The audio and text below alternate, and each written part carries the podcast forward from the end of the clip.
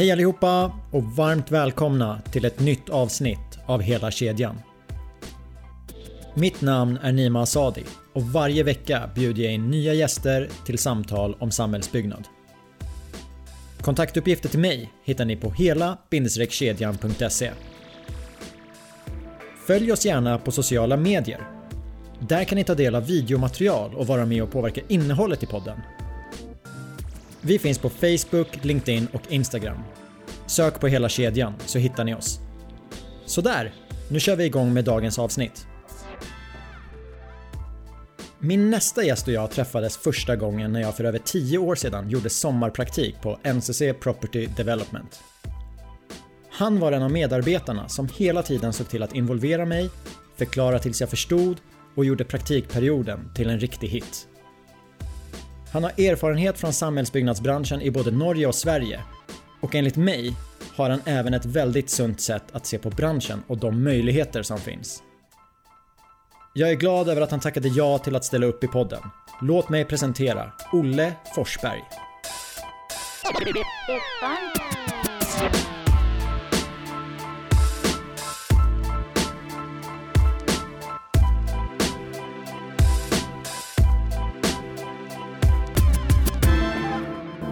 Varmt välkommen till podden Olle.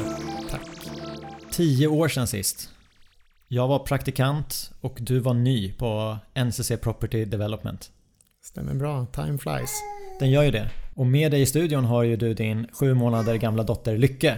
Ja, det har jag. Eh, Så hon eh, kravlar runt här på golvet och förhoppningsvis så kommer hon inte störa allt för mycket i denna poddinspelning. Förutom sommaren 2008 så har vi försnackat lite idag innan vi satte på mikrofonerna. Så jag vet ju lite om dig. Men kan du inte presentera dig för våra lyssnare? Börja gärna med varför det överhuvudtaget blev samhällsbyggnad. Mm, det kan vi göra. Det, det ehm, bottnar nog egentligen i när jag var drygt 20 och eh, hade bestämt mig för att plugga vidare. Men visste inte riktigt vad jag skulle läsa. Så då frågade jag mina äldre systrar som pluggade i Uppsala eh, om men vad tycker ni, vilken linje ska jag söka till och sådär. Ja, då frågade de men vad är du bra på då? Ja, men jag är rätt så enkelt för naturvetenskapliga ämnen, matematik och så. Eh, och då eh, var deras tips, ja, men läs till ingenjör, det är brett. Då finns det möjligheter att jobba med lite av varje. Och då sökte jag till KTH eh, och väg och vattenbyggnad som det hette då. Och efter avslutade studier så, så valde jag att börja på NCC och det var väl eh, i grund och botten eh, visste ju egentligen inte det här även då. Jag tror det är svårt för studenter att veta exakt vad det finns för olika tjänster där ute och det blir mest ett antal varumärken som, som flyger runt. Eh, men jag tänkte så att inom NCC, i ett stort bolag, så borde det finnas åtminstone en tjänst som jag tycker är spännande och kul. Eh, och så fick jag möjligheten att, eh, att börja jobba på, på det som då hette NCC Boende, som sedan blev NCC Housing och som idag heter Bonava och är ett fristående bolag. Ehm, Eh, och var där ett par år och hade egentligen en otroligt spännande tid. Ehm, jobbade med, med bostads bostadsutveckling, eh, i början marknadsfrågor och marknadsanalys och affärsplaner och den typen av saker. Men sen efter ett tag med projektledning av bostadsprojekt. Och, och, och eh, var otroligt spännande sett utifrån ehm, att man fick jobba med bostadsprodukten. Sedan fick jag möjlighet att, att eh, börja på det som i NCC-världen heter Property Development eller PD. Som då är eh, kommersiella fastighetsutvecklingsbenet. Då. Eh, och valde att, att, att ta det steget, inte för att jag på något sätt vantrivdes med att jobba med bostadsutveckling utan snarare tvärtom. Men, men var nyfiken på att, att, att testa en lite mer finansiell affär för jag hade pluggat en del ekonomi. Och såg en möjlighet att bredda mig helt enkelt. När jag kollar ditt CV så ser jag att det även står NCC Building. Vad gjorde du där? Ja, för tre år sedan fick jag en fråga om att, att, eh, att flytta till, eh, till Norge och vara med och bidra i den norska entreprenadverksamheten som hade haft eh, problem under en längre tid. Eh, och såg det som eh, spännande att, att vara entreprenör på riktigt så att säga och eh, också få se, en, se ett annat land och bo i Oslo och uppleva det både privat och, jobbmässigt. Och så har jag nu nyligen då flyttat tillbaka här första september.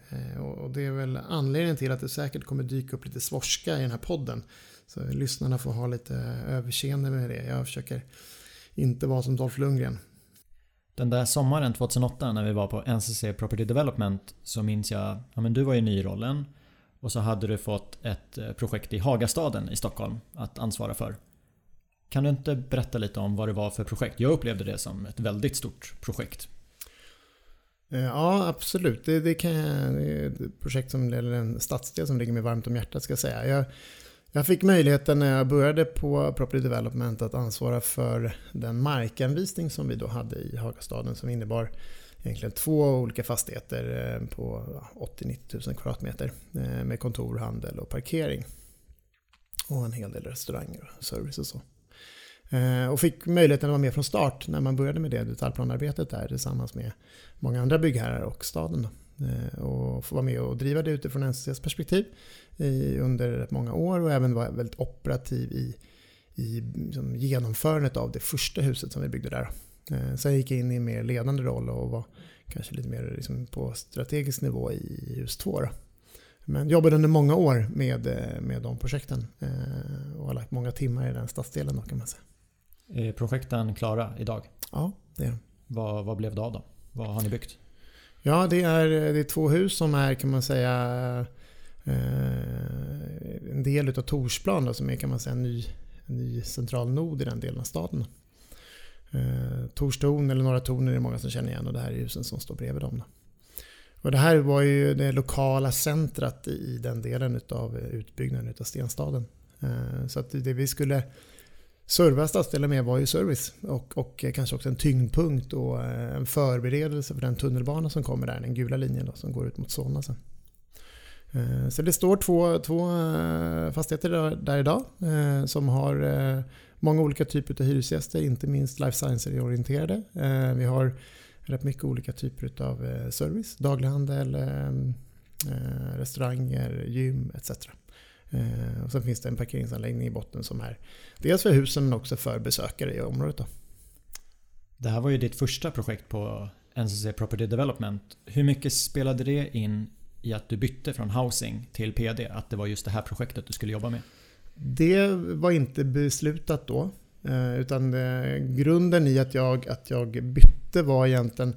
Jag trivdes otroligt bra i, i bostadsaffären. Eh, bostäder är en, en, en, en, fantastisk produkt att jobba med. För det är, en, det är en produkt som alla har en relation till. Eh, sen tycker vi inte alla lika, vilket gör att det är svårt att jobba med bostäder. Men, men, men det, är, eh, men det, är en, en, eh, det var kul att vara där och jobba med den under många år, eller ett par år. Eh, men den eh, kommersiella affären är mer eh, finansiell. Och det var jag lite nyfiken på att testa. Jag hade pluggat en del ekonomi och var, var intresserad av att, att nyttja den innan det blev för liksom gammalt i, i huvudet. Då. Eh, men sen vilka projekt det skulle vara, det visste jag inte. Eh, så jag hade, eh, det visste jag var på gång och det fanns på bordet och sen fanns det andra stora projekt som jag också jobbade med i detaljplaneskedet vid den tidpunkten. Då. Men sen så efter ett par år så var jag tvungen att välja att okej, okay, vilket projekt ska jag följa hela vägen här till färdigställande? Och då valde jag de projekten då i, liksom i Hagastaden. Då. Eh, vilket jag är väldigt glad för idag, för det var en spännande resa att vara med på. Hur gick projektet? Väldigt bra. Ja. Nej, men det, ja, jag kan brodera ut det, men det, det har gått bra utifrån många perspektiv ska jag säga. Det är de kunder vi eh, har där och hade där eh, var väldigt nöjda. Tyckte att vi var väldigt, som en väldigt proffprocess och, och att de flyttade in i väldigt spännande hus och stadsdel. Eh, och det var väl också en av anledningarna till att, att de valde att göra en flytt till en i mångt och mycket en byggarbetsplats. Då, för vi startade 2011 med produktionen där och det var ju det första huset då som var på väg upp. Eh, utöver det så var det bara infrastruktur. Så att många av de hyresgästerna fick ju leva i en, en byggarbetsplats under rätt många år. Och fortsatt är egentligen. Eh, men, men eh, vi fick väldigt bra feedback från, från de som flyttade in och sen så sålde vi det första huset till KLP. Och det andra till Castellum. Och vad jag vet så är de väldigt förnöjda med, med husen idag och att de fungerar väl. Men i din roll som ansvarig, hade du alla de här sakerna på ditt bord? Att ja, fixa en entreprenör, fixa hyresgäster, eventuellt sälja fastigheterna. var allt det på ditt bord? Nej, men det är ju som allt vi driver med måste man inse att det handlar om människor, det handlar om team. Eh, ja, jag var ansvarig för det men, men, eh, men, vi var ju många som var engagerade i de här projekten. Det var ju gigantiska projekt och, och stora organisationer. Eh, jag tror i första huset där så var vi väl som mest i alla fall 250 personer på, på sajten där. Och i byggarorganisationen var vi också ett antal som, som bara jobbade med att, att förverkliga liksom, den visionen som vi hade. Då. Hur många var ni? Bra fråga, men jag kan säga att det kanske var 10-15 personer engagerade på byggarsidan i olika grad. Ehm, så att det, det blir några stycken även där. Vad var det för omsättning i projektet ungefär? Jag tror om man läser pressreleasen där på första huset då, så sålde vi väl det för eh, drygt 1,6 miljarder 2013. Det är mycket pengar. En sak som du inte har nämnt, men som jag har fått fram, är att ni körde en ny samarbetsmodell mellan byggherre och entreprenör. Och att det här blev väldigt framgångsrikt. Vad kan du berätta om den?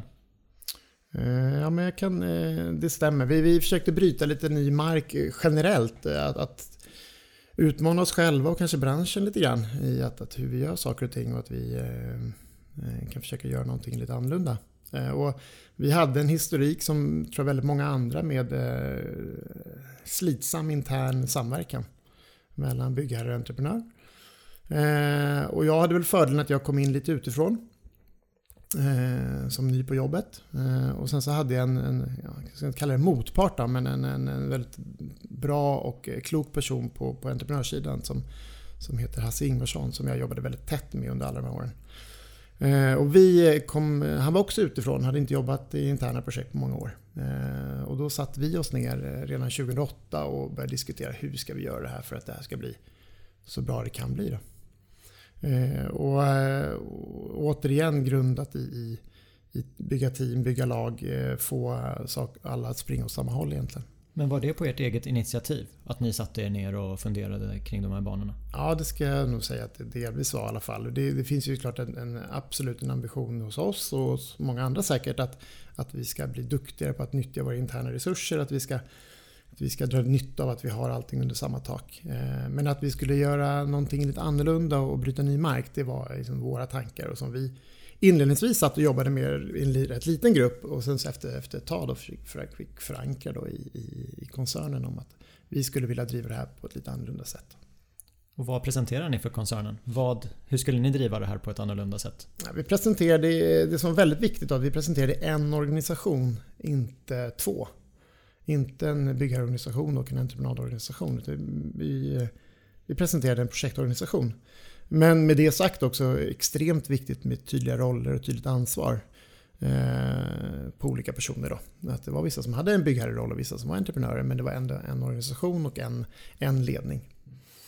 Eh, och det var extremt viktigt för oss i att, att, eh, att eh, ha en, en, jag brukar prata om en gemensamt ledarskap. Då på, hos oss men även de som var runt omkring den projektledelsen. Att man, eller projektledning, jag ska inte prata norska här. Ehm, att man står upp för varandra och man har en gemensam agenda och, och man, man, driver det här eh, tillsammans. För det var två olika affärsområden.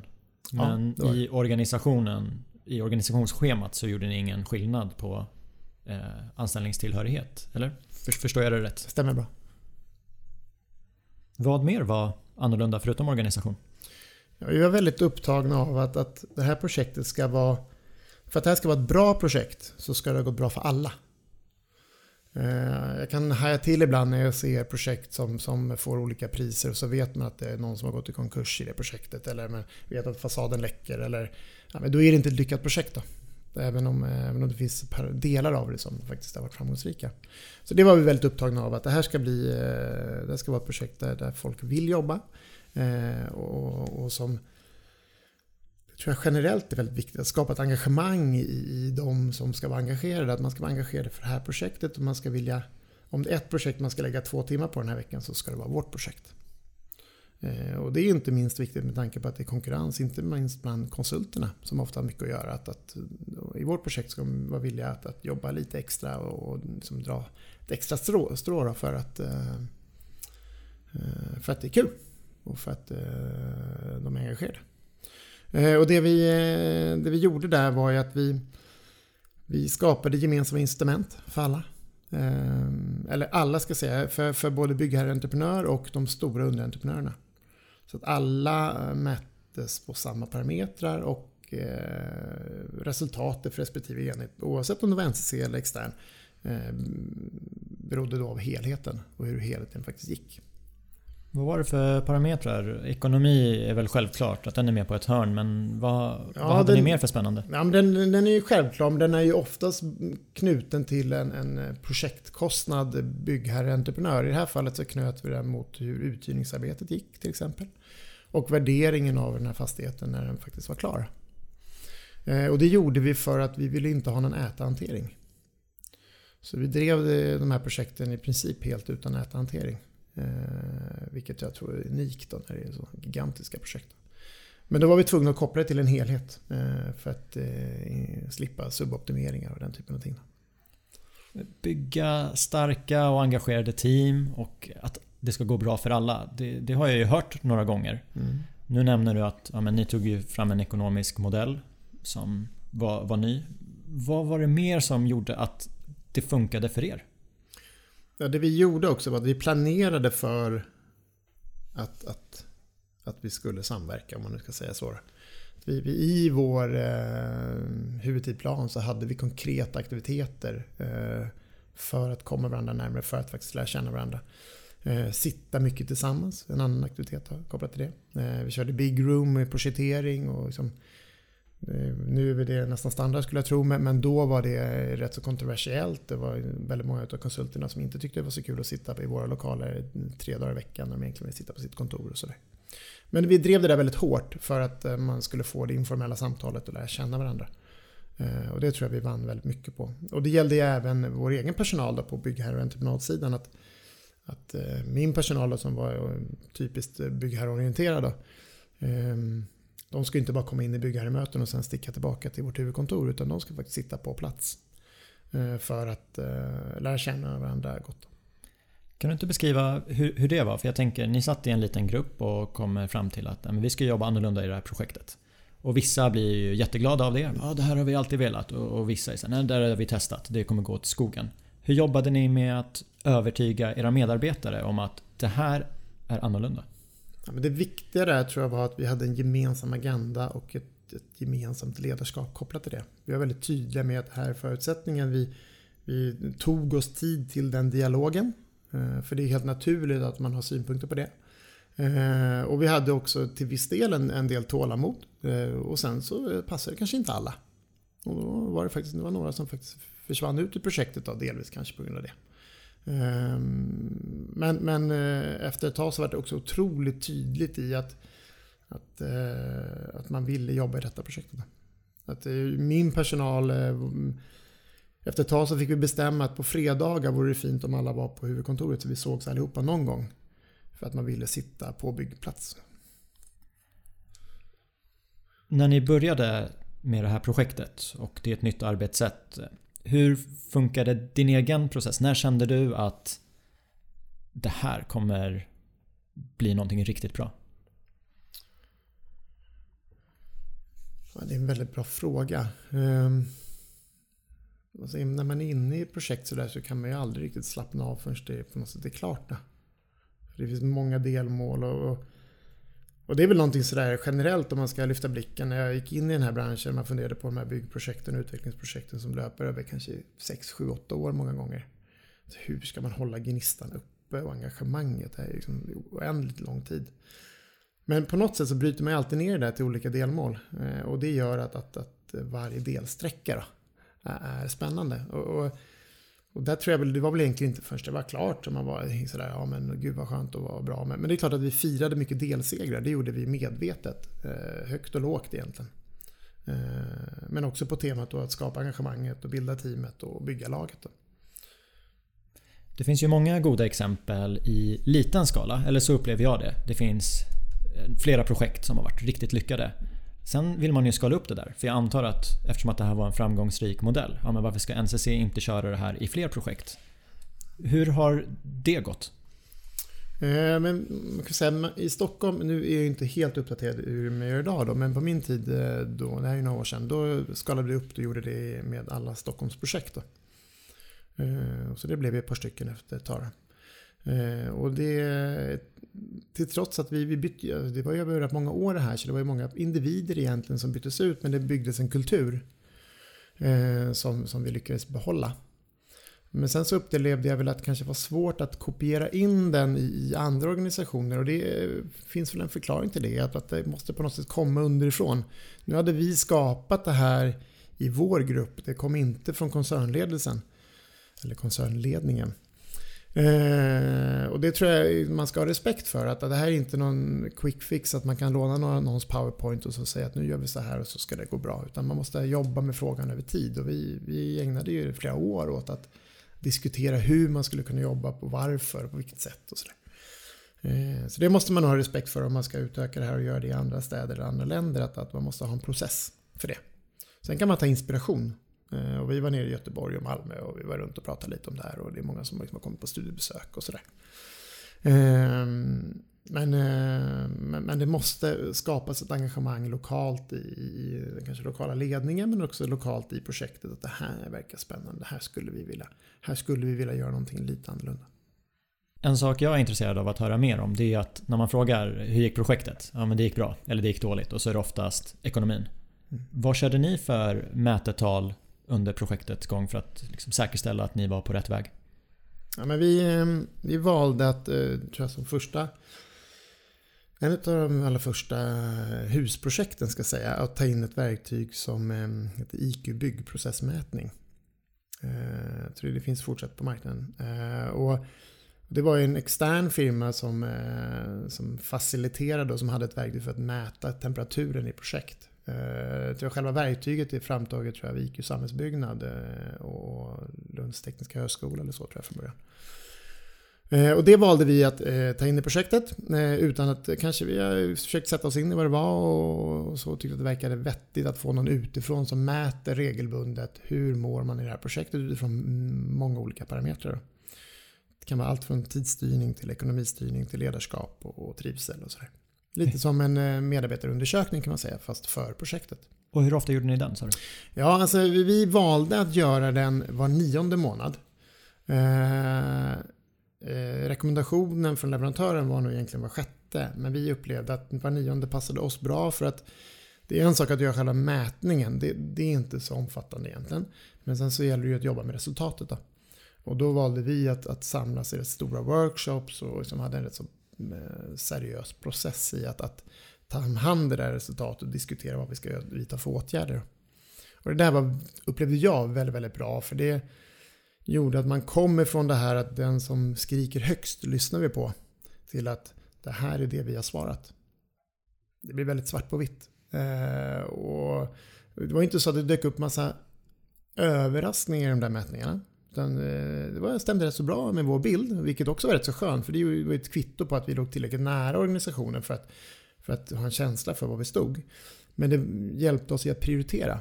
För att i ett projekt eller en företag eller en organisation så kan man inte jobba med alla frågor samtidigt. Utan man får ju välja kanske de här tre, fyra frågorna som vi fokuserar på det här kvartalet eller det här halvåret. Och då kunde vi nyttja den där mätningen för att prioritera. Eh, och det var väldigt bra. Eh, och sen nyttjade vi, vi hade, vi hade, vi lät ju alla svara på det där. Det är inte helt vanligt tror jag. Men, men vi lät ju även yrkesarbetarna svara. Så det var ju vid något tillfälle 250, 260, 270 personer som svarade. Eh, och då hade vi en känsla för att, att plan, liksom, planeringen ute på byggarbetsplatsen kanske inte fungerade helt klockrent. Och så var det väldigt, väldigt tydligt att yrkesarbetarna tyckte att det liksom var dålig planering. Och då kunde ju vår platschef gå till arbetsledaren och säga att ja, men så här har yrkesarbetarna svarat. Det extremt tydligt. Eh, och nu måste vi faktiskt sätta oss ner och prata med dem, med basarna och så styra upp det här. Eh, så det kan jag varmt rekommendera att använda ett sånt eller något annat verktyg för att, att få en, en men second opinion på något sätt på temperaturen i projektet. Planering kom upp. Är det några mer frågeställningar som du har en tydlig, tydlig bild av? Att eh, ja, men det här pratade vi om och löste. Uh, det här är ju några år sedan nu då, men, men uh, det som uh, var uppe var ekonomistyrning. Eh, vill jag minnas. kring att, att, att, liksom, att, man, att man visste kanske delbudgetar för sitt arbete och hade möjlighet att påverka dem och kunna styra mot det och inte att det bara var en stor klump någonstans. Det var en annan sak med det här verktyget om man ska, det är också att man kunde benchmarka mot branschen. Nu var det vid den tidpunkten mest infrastrukturprojekt. Då. Eh, eh, Trafikverket eller Vägverket hette det kanske då, eh, hade nyttjat det där. Och så. Eh, och det var ju spännande för då kunde man jämföra sig mot andra eh, byggprojekt av samma storlek. Även om det mest var anlägg vid den tidpunkten. Men, men du kunde också jämföra mot föregående mätning. Och se då, okej okay, men föregående mätning då låg vi här på ekonomistyrning. Ja men okay, vi har rört oss i rätt riktning. Och så hade man kunnat jobba med de resultaten. Om vi lyfter blicken, för nu har vi pratat väldigt mycket om projektet. Mm. Men du har ju själva använt uttryck som eh, lyft blicken, våga göra någonting annorlunda. Du har ju fler projekt i bagaget än det här. Mm. Och du har ju även varit regionchef för Property Development i, i Stockholm. Hur skulle du säga att vi i branschen är på våga eh, göra någonting nytt? Du nämnde det lokala. Eh, hur är vi på att göra saker i större skala? Får vi höra dina tankar? Vi är ju generellt dåliga på det, skulle jag säga. Det är min, eh, min uppfattning. Men jag har också, jag har också en eh, otroligt stor respekt för att det är, en, det är, det är komplext det vi driver med. Eh, man måste, eller, man måste förstå att, att det är liksom, driva projekt och entreprenad är people's game. Det är mycket människor.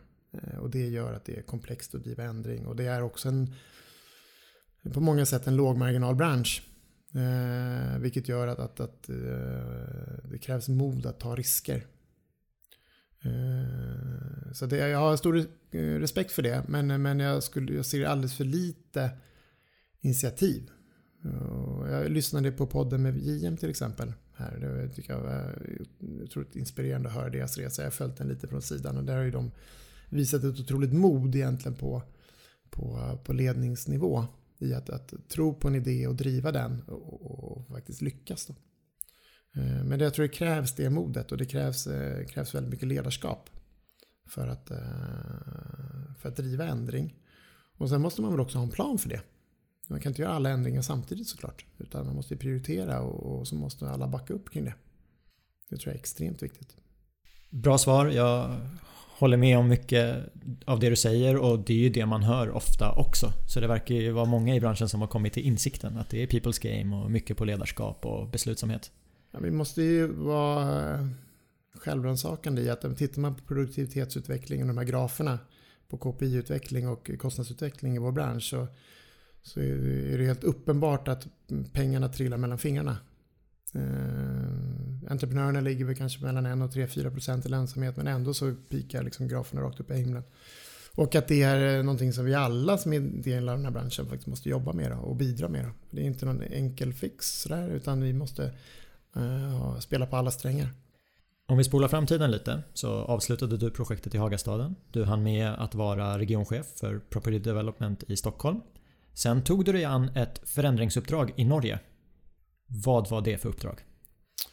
Ja, det stämmer. Jag, jag, fick en, ehm, jag, fick en, jag kände väl själv att jag stod lite i trygga hörnet. Hade varit rätt länge i, i, i Stockholmsorganisationen. Eh, många kände mig, jag kände många. Eh, och det var dags för en ny utmaning. Och då fick jag en fråga om att, att uh, åka till Norge. Och uh, ingå i, i eh, byggorganisationen där på entreprenadsidan.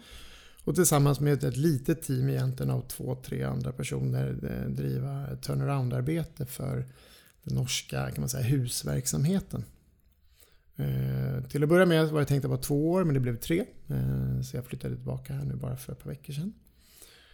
Bakgrunden till det var egentligen att vi under rätt många år hade slitit med, med ja, resultat och arbetsmiljö och många andra frågor i den verksamheten. Utfallet? Ja, jag ska vara ödmjuk för det finns otroligt mycket kvar att göra där. Eh, men, men idag så är vi på en helt annan plats än vi var för tre år sedan. Eh, och idag eh, finns det en helt annan stabilitet i de projekten vi driver. Det finns en helt annan, en helt annan liksom bas att bygga vidare ifrån. Och idag så är, så är vi lönsamma och vi, vi, vi har en, en, en, en fin verksamhet. Men sen är den rätt så skör. Så det blir viktigt de närmaste åren att vi gör rätt saker och att vi håller fast vid liksom den strategin vi har lagt och är medvetna om varför vi gör saker och ting och hur. Och så. så det har hänt en del saker på tre år även om resan är inte klar, den, den fortsätter. Men om vi backar tillbaka när du fick det här förändringsuppdraget. Mm. Hur la du upp ditt arbete? I, vad gör man för något och i vilken ordning gör man? Ja, men vi, var, vi var ju kan man säga tre personer då. Jag och en till svensk och en, och en norrman och så var även en, en dansk kille inne på 40% så han bodde inte där utan han pendlade in. Då. Scandinavian power. Ja, och det var också en av anledningarna till att jag eh, hoppade på det där. För jag gillade att vi skulle vara en nordisk grupp som jobbade med den frågan. Eh, och trodde på det. Eh, och också att jag tror att i efterhand så eh, tror jag att det var väldigt klokt att vi var rätt så få. Vi kunde eh, packa in oss själva i en bil och åka iväg till en hytta i Norge och sitta och prata strategi utan att vara 20 personer runt bordet. Eh, och, och kompletterade varandra väldigt bra i den lilla gruppen eh, och kunde eh, liksom ha väldigt tuffa, livliga diskussioner men sen stod upp för varandra i de besluten vi faktiskt fattade. Det tror jag var extremt viktigt. Men sen valde vi att organisera det där kan man säga utifrån en, tre olika steg. Där den första handlade om att liksom börja en transformation. Att, mycket analys kring varför står vi där vi står? Hur ser marknaden ut? Vad är det för team vi ska ha på plats? Ja, vad är vi och är det några fler vi behöver? Och vad har vi för mandat? Liksom den typen av eh, frågor. Eh, och sen gick vi in egentligen i kan man säga, ett åtgärds... Eh, jag kan inte säga program, men en fas som handlade väldigt mycket om governance och få kontroll på, på, på verksamheten. Mycket stort fokus på vilka typer av projekt vi räknade på och varför och vilka projekt vi borde jobba med och selektera i det. Eh, men också få kontroll på de projekten som pågick och få kontroll på de projekten som faktiskt var avslutade men där det kanske fanns kvarstående frågor och sådär. Ehm, så det var, det var kan man säga den andra fasen och den tredje fasen är ju, var ju liksom en affärsplan för framtiden och liksom vad är det vi ska göra här, vad är det vi ska bygga, vad är det för position vi ska ta. Eh, och hur ska vi vara organiserade då och, hur ska våra processer se ut och, och sådär. Eh, så det var enkelt de tre överordnade eh, faserna. Sen valde vi att ha fyra fokusområden. Som vi, vi jobbade med ett antal bilder som vi liksom upprepade väldigt mycket i organisationen.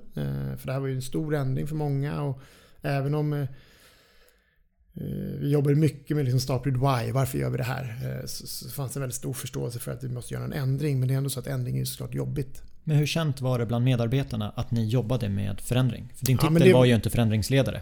Nej, nej, jag ansvarade egentligen för kan man säga, det som skedde innan byggstart. Eh, anbud, kunder, eh, om vi investerar i projekt, eh, hållbarhet och lite sådana saker var på mitt bord. Men visste medarbetarna att du hade fått det här uppdraget att förändra? Ja, det var, det var väldigt tydligt att vi hade ett uppdrag att, att driva en ändring och, och pratade mycket om det och, och la mycket tid på kommunikation.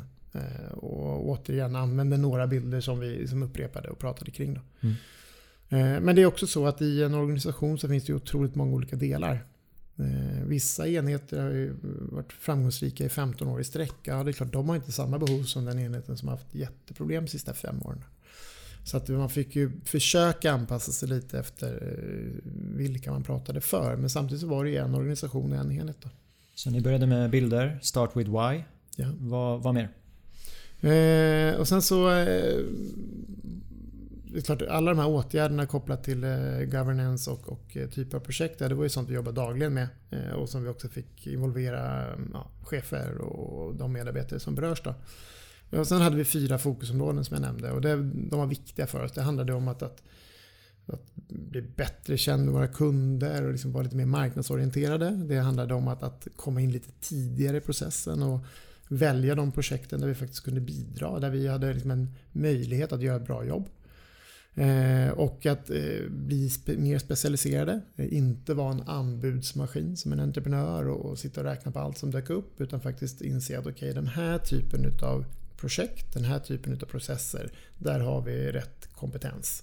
Ja, de projekten ska vi gå för. Eh, och liksom, eh, bli mer specialiserade på så sätt.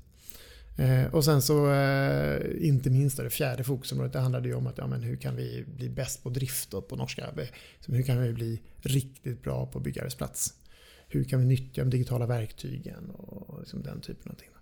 Du kommer ju från den svenska verksamheten och har ju en hel del erfarenheter från hur vi gör saker och ting i Sverige. Hur var den kontrasten mot att komma till Norge? Jag tänker bland annat på marknad, hur man gör affärer, kollegorna, arbetssätt. Mm, ja, men eh, svårt att säga vad som är generellt och vad som är NCC specifikt eller för vår organisation.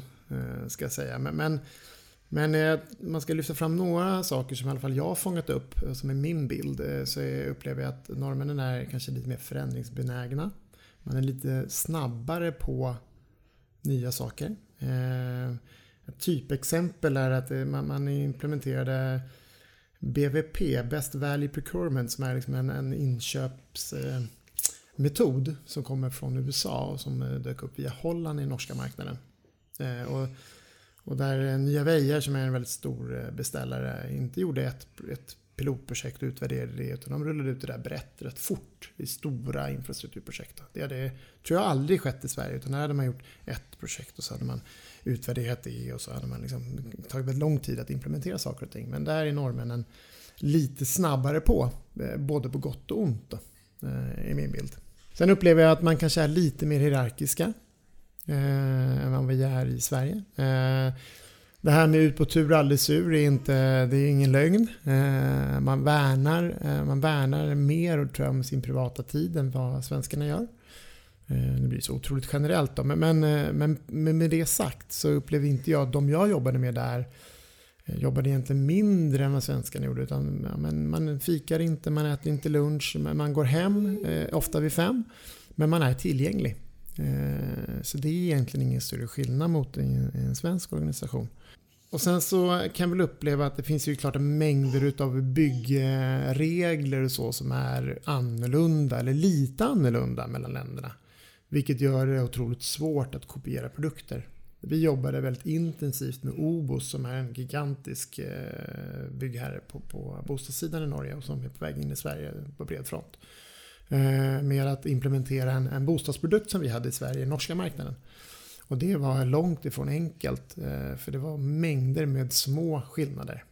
Det fanns stora också. Ofta så sprinklas ju bostäder i Norge till exempel. Det är ju rätt så stor skillnad mot svenska marknaden ja, tillgänglighet, tillgänglighetscirkeln är 1500 istället för 1300 och sådär. Men, men, ehm, men det finns många sådana små skillnader som gör att det är svårt att, att dra nytta fullt ut eh, över länderna med, med olika produkter.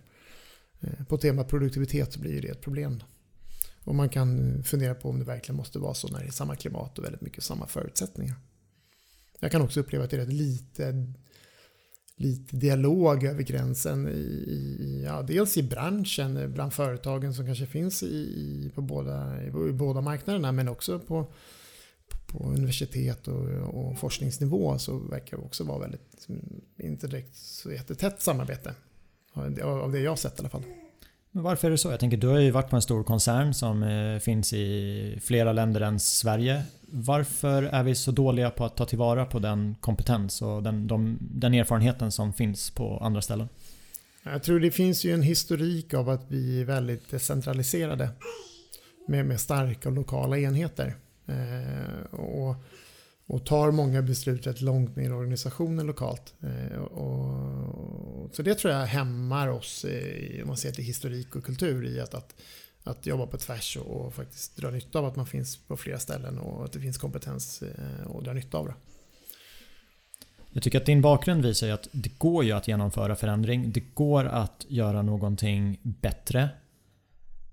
Kan vi inte avsluta avsnittet med tips från dig?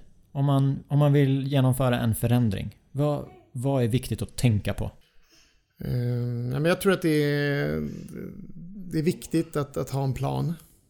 Eh, och, och eh, tro på den planen och hålla på den planen. Det, ja, det är klart man ska kunna ifrågasätta det men man måste ändå, man måste ändå tro på sin idé och sin, sin vision om den ändringen. Och, och sen handlar det om att få med sig människor. Och då är det ju kommunikation och skapa tillit och, och, och jobba med det. Det går väldigt sällan att trycka ner en idé i halsen på folk och tro att det, att det blir av.